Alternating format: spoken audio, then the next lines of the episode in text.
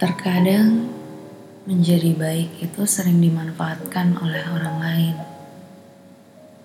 Tapi itu tidak membuatku untuk berhenti untuk berbuat baik. Dulu aku juga pernah melakukan kesalahan. Aku pikir dia adalah teman.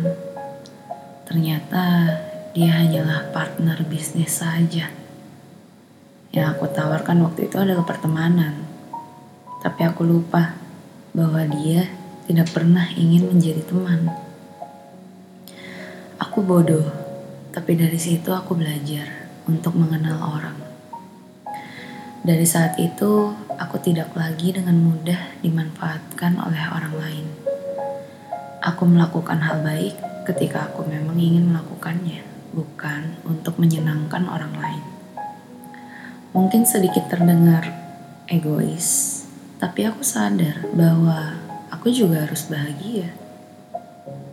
Aku sadar bahwa untuk memberi, aku harus memiliki lebih. Jika aku tidak memiliki lebih, bagaimana aku bisa memberi?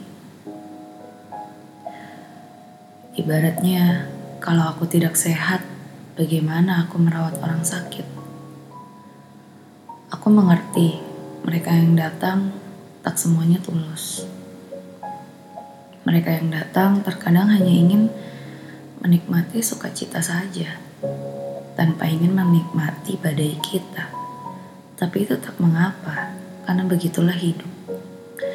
Di satu sisi, aku beruntung, karena di antara semua yang datang, ketika badaiku datang, aku jadi tahu siapa yang ada di sana menemaniku.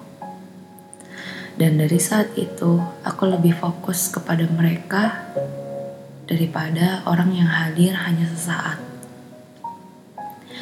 Dengan begitu, aku tahu aku tidak akan pernah lagi merasa tersakiti oleh mereka yang berniat untuk berkhianat. Karena aku tahu aku sudah merasa cukup dengan apa yang aku punya, dengan orang terdekatku yang selalu hadir dan tulus kepadaku.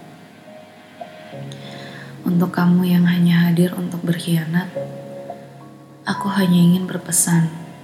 Semesta tidak pernah tidur. Semua akan ada karmanya masing-masing. Aku hanya ingin kamu untuk cepat sadar dan jangan pernah lagi memanfaatkan orang lain untuk kesenangan sendiri. Karena pada akhirnya semua sakit akan kembali kepadamu dan kita yang punya niat baik akan terus menerima hal baik dan bertumbuh, belajar menjadi lebih baik lagi.